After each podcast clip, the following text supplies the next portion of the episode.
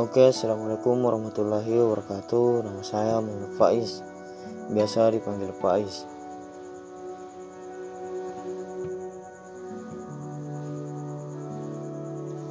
Pertama-tama, selamat tahun baru teman-teman. Di sini saya akan menjelaskan tentang kenakalan remaja zaman sekarang. Kenakalan remaja zaman sekarang itu masa di mana seorang manusia sedang berada dalam pencarian jati dirinya ingin mengenal siapa dirinya sebenarnya. Seorang manusia ikatan remaja jika ia sudah menginjak usia 17 tahun. Dan dalam usia ini, seorang manusia mengalami masa yang dinamakan masa pubertas.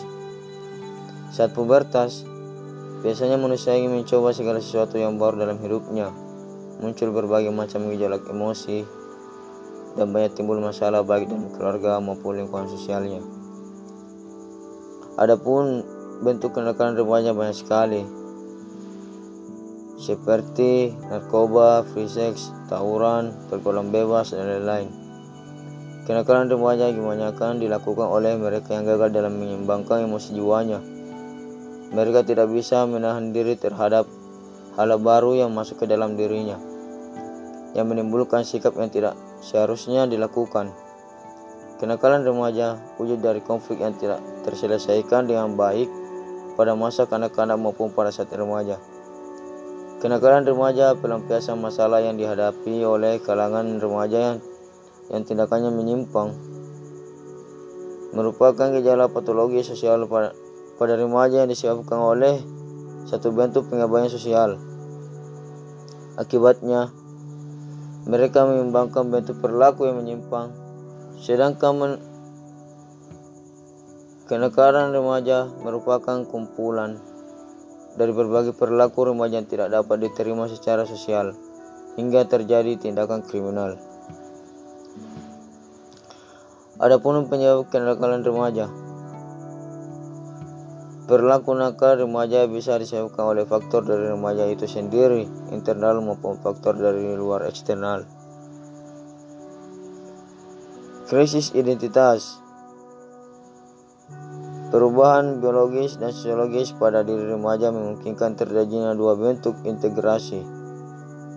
Pertama, terbentuknya perasaan akan konsistensi dalam kehidupannya. Yang kedua, tercapainya identitas peran kenakalan remaja terja terjadi karena remaja gagal mencapai masa integrasi kedua. Kontrol diri yang lemah Remaja yang tidak bisa mempelajari dan membedakan tingkah laku yang dapat di, diterima dengan yang tidak dapat diterima akan terseret pada perilaku pada perilaku nakal. Begitupun bagi mereka yang telah mengetahui perbedaan dua tingkah laku tersebut. Namun, namun tidak bisa mengembangkan kontrol diri untuk bertingkah laku sesuai dengan pengetahuannya. Adapun faktor eksternal, keluarga dan pencarian orang tua, tidak adanya komunikasi antar anggota keluarga atau perselisihan antar anggota keluarga bisa memicu perilaku negatif pada remaja. Pendidikan yang salah di keluarga pun seperti terlalu memanjakan anak, tidak memberikan pendidikan agama atau penolakan terhadap eksistensi anak. Bisa menjadi penyebab terjadinya kenakalan remaja.